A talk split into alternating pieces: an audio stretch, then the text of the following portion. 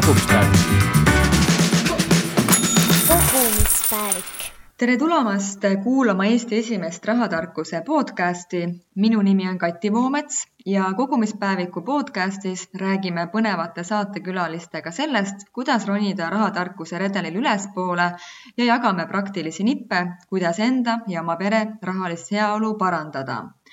täna on meil selline ad hoc äh, saade, millega seoses on ka meie kvaliteet ilmselt veidi kehvem, et vabandame ette ära,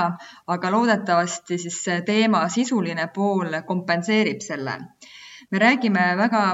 aktuaalsest äh, teemast ehk siis sellest, mis toimub Eesti kinnisvaraturul ja mida peaks nii koduostja kui kodulaenu omanik silmas pidama ja täna on minu külaliseks Anne Pärgma, kes on siis Swedbankis laenude valdkonna juht ja suurepärane ekspert selles valdkonnas meile siis infot jagama. tere tulemast, Anne! tere, Kati! Äh, lähme kohe nii-öelda teemaplokkide juurde, et äh, milline on olnud selline koroonaviirusest tingitud äh, eriolukorra mõju siis Eesti kinnisvaraturule praegu, et kas te juba näete mingisuguseid märke sellest, et hinnad langevad või juhtub midagi sarnast või veel hullemat, kui oli siin eelmise kriisi ajal? praegu olukord on väga ootamatu kõikidele turu osalistele ja muudatused on pigem, pigem sellised, et äh, inimesed on väga äh, ettevaatlikud äh, ja need tehingud, mis olid juba kokku lepitud, et mõned nendest toimuvad ja mõned jäävad ka ära just sellepärast, et, et tehingu osalised on siis muutunud natukene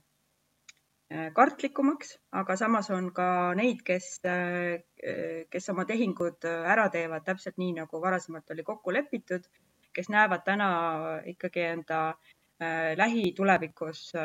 kindlust ja, ja, ja on julged oma tehingute tegemisel. ehk siis, et, et inimeste nii-öelda käitumine on väga erinev. aga olukord on väga ootamatu aga kas need äh, kinnisvara hinnad on juba ka langenud, et äh, ma hiljuti lugesin ühte kinnisvarabüroo sellist juba esimest analüüsi, et näiteks juba Mustamäe piirkonnas ja kuskil veel on hinnad ikkagi langenud. et kui mina näiteks äh, plaanin siin lähiajal kodu osta, et kas praegu on hea aeg seda teha või võiks veel natukene oodata? Võib-olla ma alustan siis seda hinnaosa, et äh, see, et, et äh, turul äh, hinnad on veidi muutunud, jah, see võib olla tõesti nii olla. Ja ka siin on kindlasti ka üks asjaolu see, et, et need, kellel täna on julgust ja võimekust endale kinnisvara osta, siis nemad on ka julgemalt küsimas hinda alla ja seda olukorda ära kasutamas. Äh, nüüd, äh, kas need hinnad ka selliseks äh, veidi allapoole korrigeerituna jäävad, eks seda näitab aeg. nüüd teistpidi, kas on täna õige aeg osta? noh, võiks öelda nii, et, et kodu on, kui kodu on vaja, siis kodu võib, võib alati osta. nüüd teine asi on kindlasti see, et kui selleks kodu ostuks on vaja Äh, täiendavaid rahalisi vahendeid ja neid endal äh, ei ole, et siis, äh, siis on kindlasti oluline, et, et peaks väga põhjalikult järele mõtlema, kas, kas kõikvõimalikud laenuga kaasnevad riskid on laenuvõtja jaoks maandatud või, või ei. et, et pigem juba sedapidi, et, et see otsus on väga selline, peaks olema ratsionaalne ja, ja pikaajaliselt ettevaatav, et, et mida see laenu võtmise kohustus minu jaoks tähendab. et nendel inimestel, kellel, kellel on rahalised vahendid olemas ja saavad endale äh, kinnisvara lubada, et ma arvan, nemad on oma otsuses tõenäoliselt äh, vabamad aga sa mainisid neid riske, et praeguses olukorras, millised on sellised täiendavad riskid, kui nüüd kodulaenu võtta või on need riskid ikkagi olnud kogu aeg nii-öelda samad, et too välja need mõned riskid, mis siis, millega kodulaenu võtja peaks siis arvestama nii praegu kui ka võib-olla juba enne kriisi. Jah, et tegelikult on need riskid olnud kogu aeg ja iga kord, kui laenukonsultatsiooni läbi viiakse ja ka laenulepingut allkirjastatakse, siis tuuakse need riskid nii-öelda arutatakse läbi ja juhitakse nendele tähelepanu. Ja ka praegu, praegune kriisiolukord turul ja koroona Äh, teema on, on see, mis, äh, mis seda, neid riske rohkem välja toob. Ja üks peamisi, äh, mis laenu võtmisel võib olla, on maksevõime vähenemine. aga see maksevõime vähenemine, siin on veel erinevaid nii-öelda alajaotusi, et kas üks või mõlemad laenusaad, laenusaajad kaotavad töö, et kas sissetulekut vähendatakse, kas pereliige haigestub Äh, kui on, äh, noh, need on sellised äh, riskid, millega, millega peab arvestama, et kas see laen, mis ma olen võtnud, et kas ma jõuan seda ka sellisel ajal tagasi maksta, kui, kui minu maksevõime just sissetuleku muutustest on mõjutatud. et teistpidi need olid sellised Äh, nii-öelda need halvemad asjad, mis, mis võivad juhtuda. samas jälle on ka äh, maksevõime vähenemist võivad mõjutada ka, ka positiivsed asjad, et äh, kas pereliikmete arv kasvab, millega võivad kulud suureneda või siis, et pereliikmetest keegi läheb kooli, lõpetab kooli kõike korraga, et, et need võivad olla Äh, et võivad olla väga erinevad asjaolud, mis maksevõimet, äh, võimet äh, vähendavad ja selleks peaks olema kindlasti ennetavalt valmis juba siis, kui laenu võetakse ja see võiks olla läbimõeldud äh,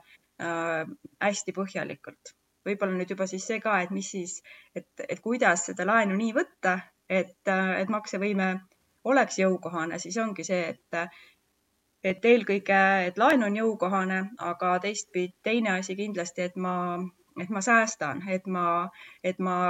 justkui olen harjutanud juba seda, et ma küll maksan oma laenukohustused ära, aga mul on midagi ka kõrvale pandud, et, et, et see aitaks. ja, ja muidugi ei saa ka äh, vähem tähtsamalt välja tuua seda, et, et kui äh,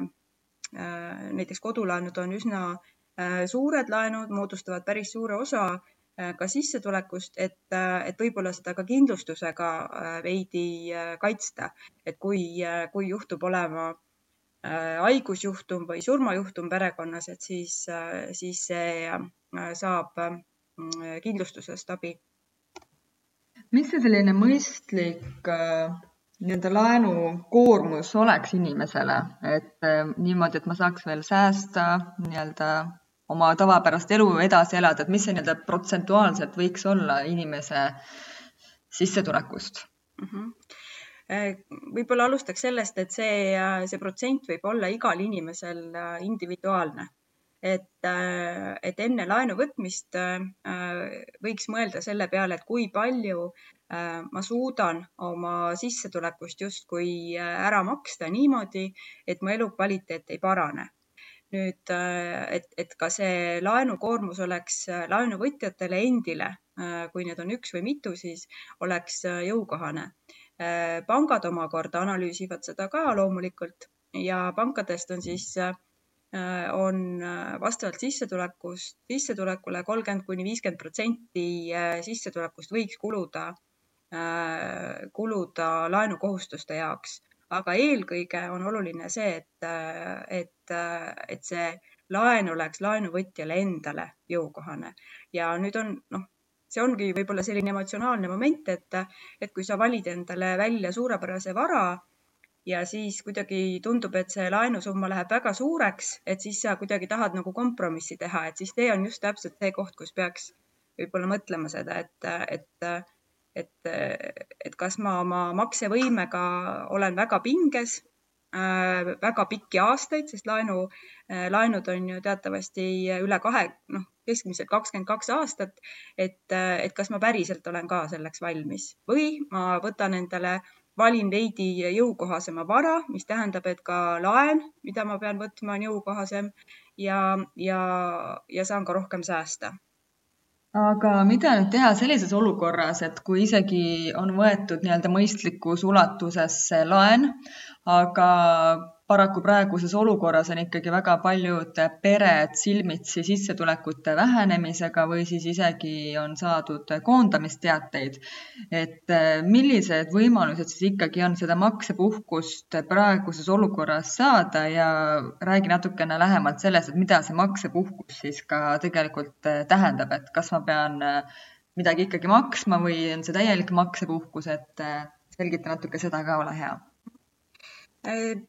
siis, kui laen on juba võetud eh, ja tekib selline olukord, et, eh, et on näha, et hakkab makseraskus tekkima ja, ja näha on, et, eh, et ei, et selle laenukoormusega ei saa hakkama, siis on väga mõistlik taotleda maksepuhkust. ja seoses nüüd koroonaviirusega on Swedbank välja töötanud eraldi vormi, mis on veidi laenu, laenuvõtja jaoks äh, mugavam, kiirem ja me pakume siis põhiosa äh, maksepuhkust äh, tarbimislaenudele kuni kuus kuud ja kodulaenudele kuni kaksteist kuud. Ning, ning selle maksepuhkuse vormistamine on tasuta ja etteruttavalt ka juba see, et,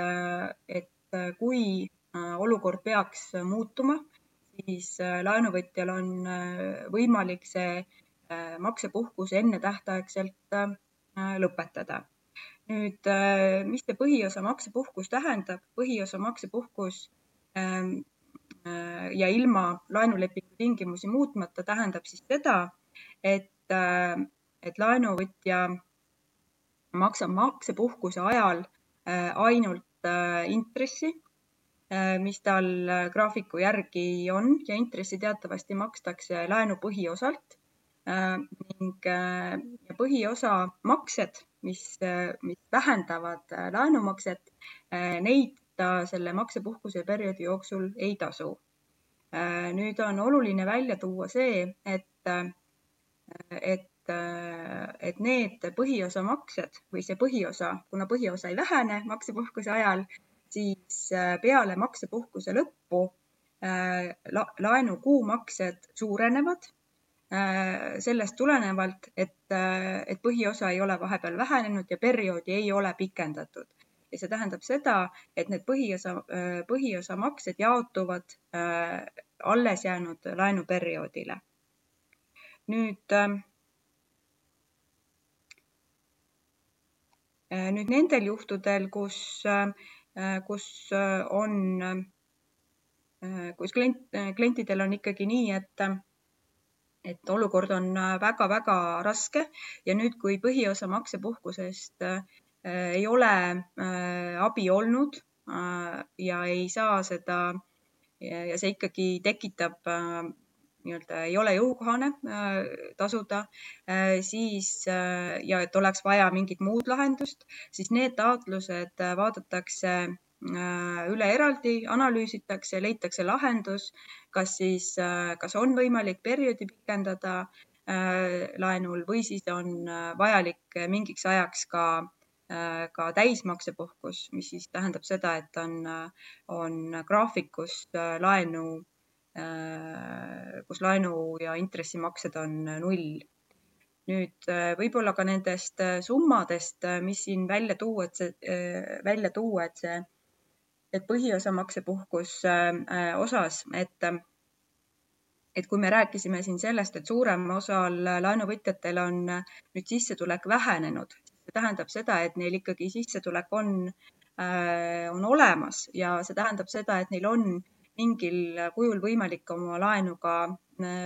laenuga tasuda ja selles mõttes see põhiosa maksepuhkus äh, peaks kindlasti selle praeguse likviidsuskriisi äh, lahendama. ja, ja näite osas siis veel, et, et kui äh, näiteks laenu jääk on suurusjärgus nelikümmend tuhat ja kui laen on võetud juba kümme äh, enam aastat tagasi äh, ja laenuperioodi lõpuni äh, on, ongi jäänud näiteks kümme aastat, siis see kuumakse praegu on kuskil, kuskil kolmesaja kahekümne viie euro ringis, intressiga siis null koma seitse, kui oli laen. Ja kui ja see intressimakse, maksepuhkuse perioodil jääb kuskil kahekümne, alla kahekümne viie euro. Ehk siis tõenäoliselt olukorras, kus sissetulekud on küll vähenenud, siis see maksepuhkuse ajal see peaks leevendama laenusaaja makseraskust väga-väga-väga põhjalikult äh, selgitasid, aitäh, et ma korraks peegeldan, et kas ma sain kõigest ka õigesti aru. et põhimõtteliselt on siis võimalik äh, nii-öelda väikelaenudele ja liisingutele äh, seda maksepuhkust võtta kuni kuus kuud, kodulaenudele kuni kaksteist kuud. hetkel siis on see maksepuhkuse vormistamine tasuta ja ka muid lepingutingimusi, näiteks nagu intress ei muudeta ja siis põhimõtteliselt ikkagi vormistatakse see maksepuhkus sellele laenu põhiosale ehk siis intressi tuleks sellel ajal ikkagi edasi maksta. ja siis äh, igakuine laenumakse pärast seda maksepuhkust siis suureneb, et, et need laenumaksed jaotatakse siis ära selle laenu üle, üle, ülejäänud perioodile. ja ka intress veidi siis pärast ikkagi suureneb, et seetõttu ikkagi on vaja see maksepuhkuse võtmine äh, läbi mõelda. ma kordan veel, intress iseenesest ei suurene mm -hmm. nagu lepingujärgne intress mm -hmm. ei suurene, aga kuna, kuna äh, intressikulu kogu laenu vaatest suureneb, sellepärast et et intressi maksa, makstakse põhiosa pealt ja kuna põhiosa ei vähene, siis see kuue kuu intressimakse justkui ongi see, mis, mis tuleb intressikulule kogu laenu vaatest justkui juurde nii-öelda äh, kuidas selle tähtajaga on, et kui ma nüüd näiteks, äh, minu sissetulek vähenes, äh, ütleme seal kolmkümmend protsenti näiteks ja ma saangi aru, et mul ei ole piisavalt sääste ja mul on see laenumakse tasumine hetkel ikkagi raskendatud ja ma vormistan selle maksepuhkuse näiteks kuuele kuule nüüd aga näiteks kolme kuu pärast mul need äh, sissetulekud taastuvad või ma leian uue töö või täiendava lisatöö võtan endale. kas ma saan siis seda maksepuhkust varem lõpetada või siis ka teistpidi, kui mul ikkagi kuue kuu jooksul olukord ei parane, kas ma saan seda ka nii-öelda pikendada või on nii-öelda sellega juba siis rong läinud? Äh, mõlemad variandid, mis sa välja tõid, on võimalikud, et äh, maksepuhkust on võimalik ennetähtaegselt lõpetada ja olukorras, kus, kus maksepuhkus justkui hakkab juba lõppema, aga äh, makseraskus ei, ei ole äh, möödas, siis on võimalik ka maksepuhkust äh, pikendada. See on küll väga positiivne iseenesest, et on niisugune paindlik võimalus olemas aga kust nüüd iga inimene saaks seda infot äh, konkreetsemalt, et mis on tema see laenujääk, kui suured on igakuised intressimaksed, põhiosamaksed, et kas peaks panka helistama, kohale tulema või internetipangast seda näeb kuidagi ise? seda näeb äh, internetipangas ja äh, kui Swedbanki internetipanka siseneda, siis tootevalikust laen, liising siis sealt alt valida vastav, vastav, äh, vastav laen või liising, mis teil parasjagu on. Ning, äh, ning selle alt siis saab vaadata lepingupõhiselt tingimusi ja saab vaadata ka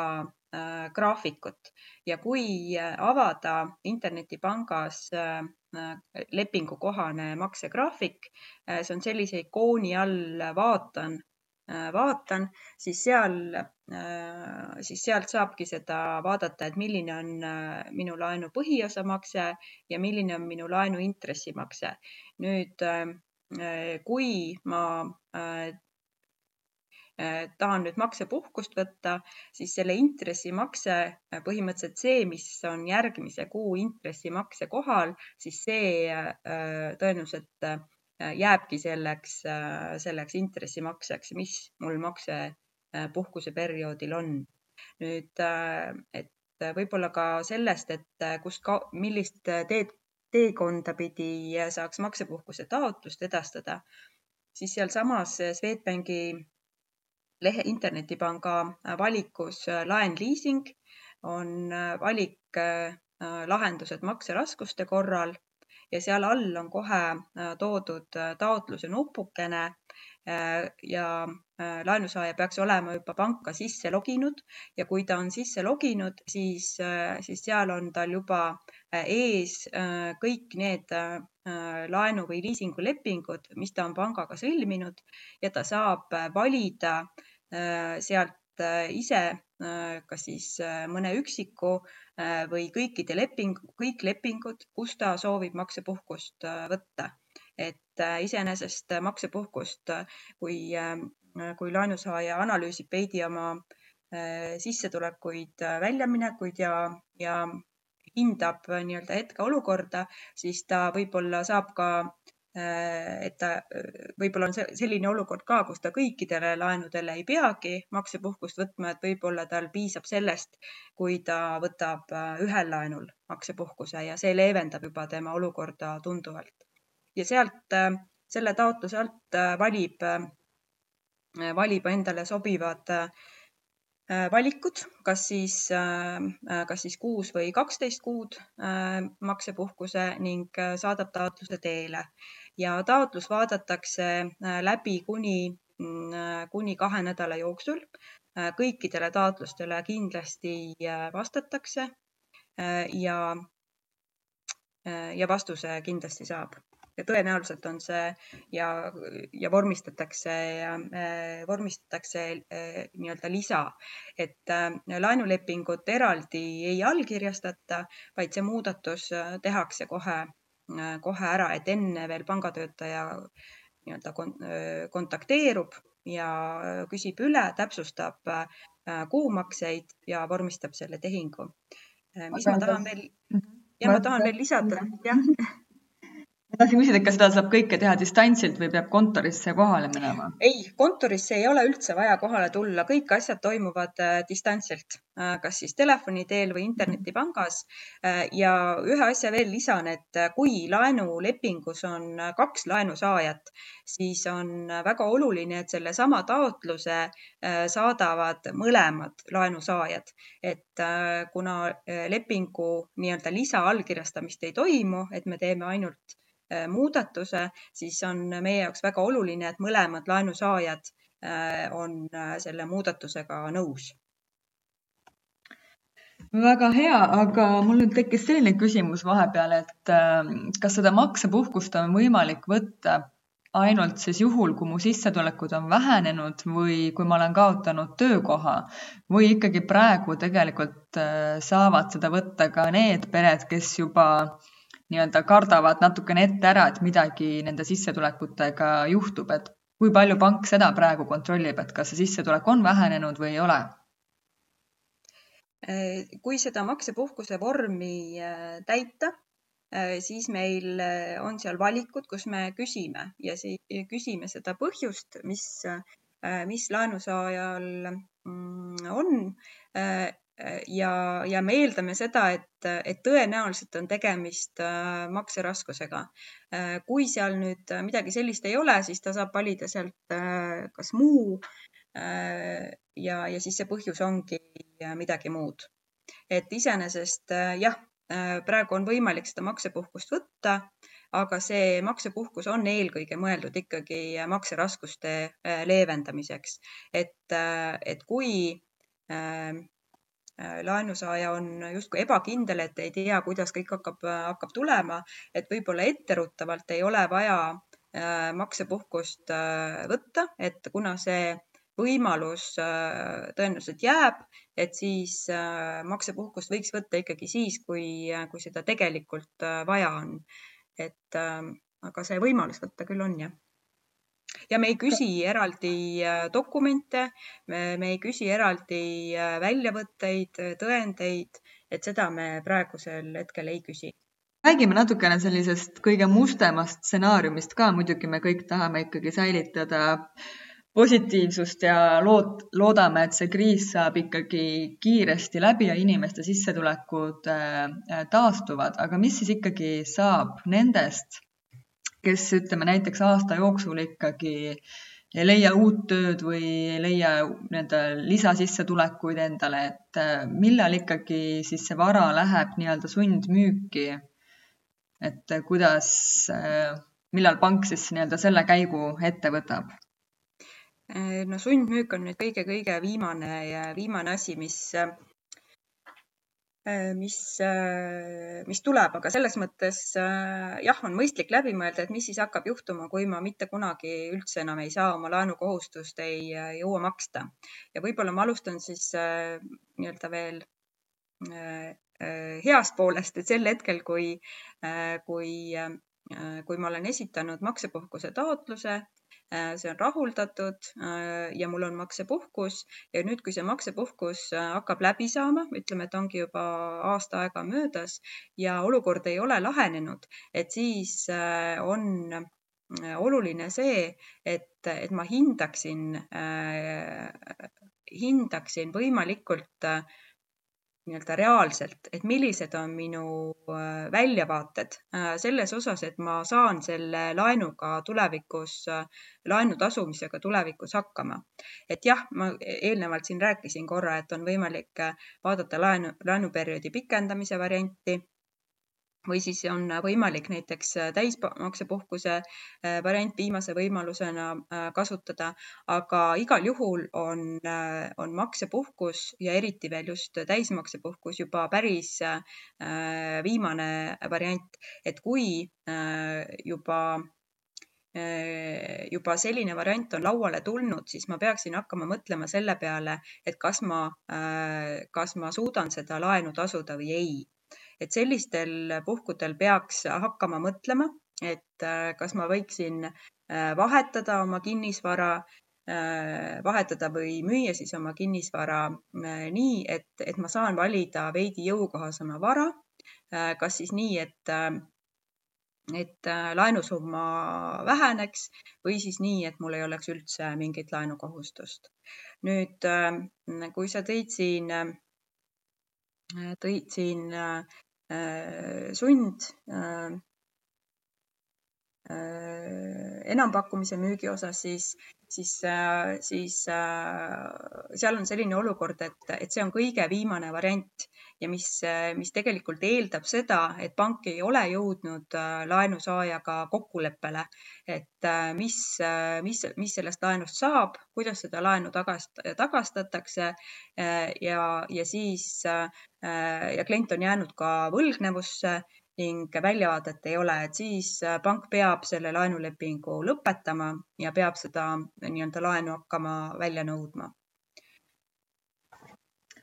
et see on no, kõige viimane variant. see on kõige viimane variant, et hea on teada, et enne seda ikkagi veel on mingisuguseid äh, samme ja variante, mida siis ikkagi äh, inimene saab ka ise teha. no igal juhul oleks äh, soovitav see, et, et kui on,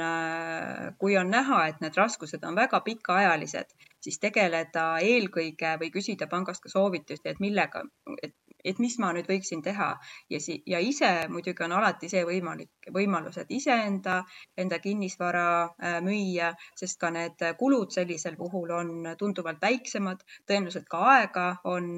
on rohkem ja noh, igal juhul on ise parem neid asju kontrollida, kui, äh, kui, äh, kui, kui lasta seda kellelgi teisel teha selge, et väga põhjalik äh, selgitus, et ma tänan sind. Äh, kokkuvõttes, mida ma ise siis äh, soovitaksin, on ikkagi see, et igalühel soovitan pöörduda oma panga poole juba enne, kui võlgnevus on tekkinud. et kui näiteks ongi saadud teavitus, et sissetulekut vähendatakse või on saadud koondamisteade, et siis juba enne võlgnevuse tekkimist ikkagi konsulteerida oma pangaga, vaadata üle, milline on selline laenugraafik praegu ja vaadata üle ka pere selline säästude seis, et võib-olla ikkagi on võimalik seda laenumakset kasvõi säästudest mingi periood tasuda. aga hea on teada ikkagi, et vajadusel saab seda maksepuhkust siis lihtsustatud korras vormistada, et sellega ei kaasne mitte mingisuguseid lisatasusid ja ka muid lepingutingimusi ikkagi ei muudeta. et muidugi natuke erinevatel pankadel on siin erinevad tingimused, et just näiteks nende maksepuhkuste perioodide osas, et tasub ikkagi võtta oma pangaga ühendust ja uurida, et millised on täpsed tingimused seal. rääkisime natukene ka sellisest mustast stsenaariumist, aga loodetavasti siis see ikkagi väga paljude jaoks ei, ei realiseeru ja kriis saab loodetavasti ikkagi kiiremini, kiiremini läbi. ja Anne, kas sa soovid lõpetuseks veel midagi meie kuulajatele soovida või veel mõne tarkuse tera öelda, midagi positiivset siia lõppu? Võib-olla siis äh, ütlekski, et nendel, kellel kellel makseraskus on, siis äh, kindlasti julgesti pöörduda panga poole,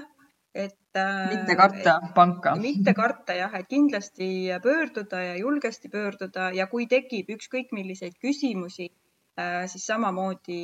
küsida ja võib-olla ka see, et, et need kliendid, kes kes täna mõtlevad uue laenu mõtlemise uue laenu võtmise peale, siis täpselt samamoodi, et, et kui mul on sissetulek on olemas, see väljavaade jääb selliseks, et tugevaks, et ja mul on kodu vaja, mul on oma finantseeringud kogutud, mul on säästud olemas, siis samamoodi, et, et läbi mõelda, kui tekib küsimusi, siis küsida pangast Äh, ja, ja nii-öelda peaks rohkem suhtlema, rohkem küsima, läbi mõtlema. äh, aitäh, Anne, täna neid äh, selgitusi meile jagamast, et ma loodan, et kuulajaid, kuulajad said siit ikkagi palju häid nõuandeid ja mõtteid, mida siis selles kriisiolukorras ette võtta ja kuidas ikkagi tagada see, et pere majanduslik toimetulek oleks oleks, oleks hea, et äh, siis ma soovin kõikidele äh, positiivsust ja kohtume juba teiega järgmises podcastis ja seniks kuulake ka meie varasemaid episoode erinevatel huvitavatel teemadel ja likeige, subscribe ige, jagage meie podcasti kõikidele, kes võiksid sellest ka äh, kasu saada. Kuulmiseni ja tšau! kogumispäev. kogumispäev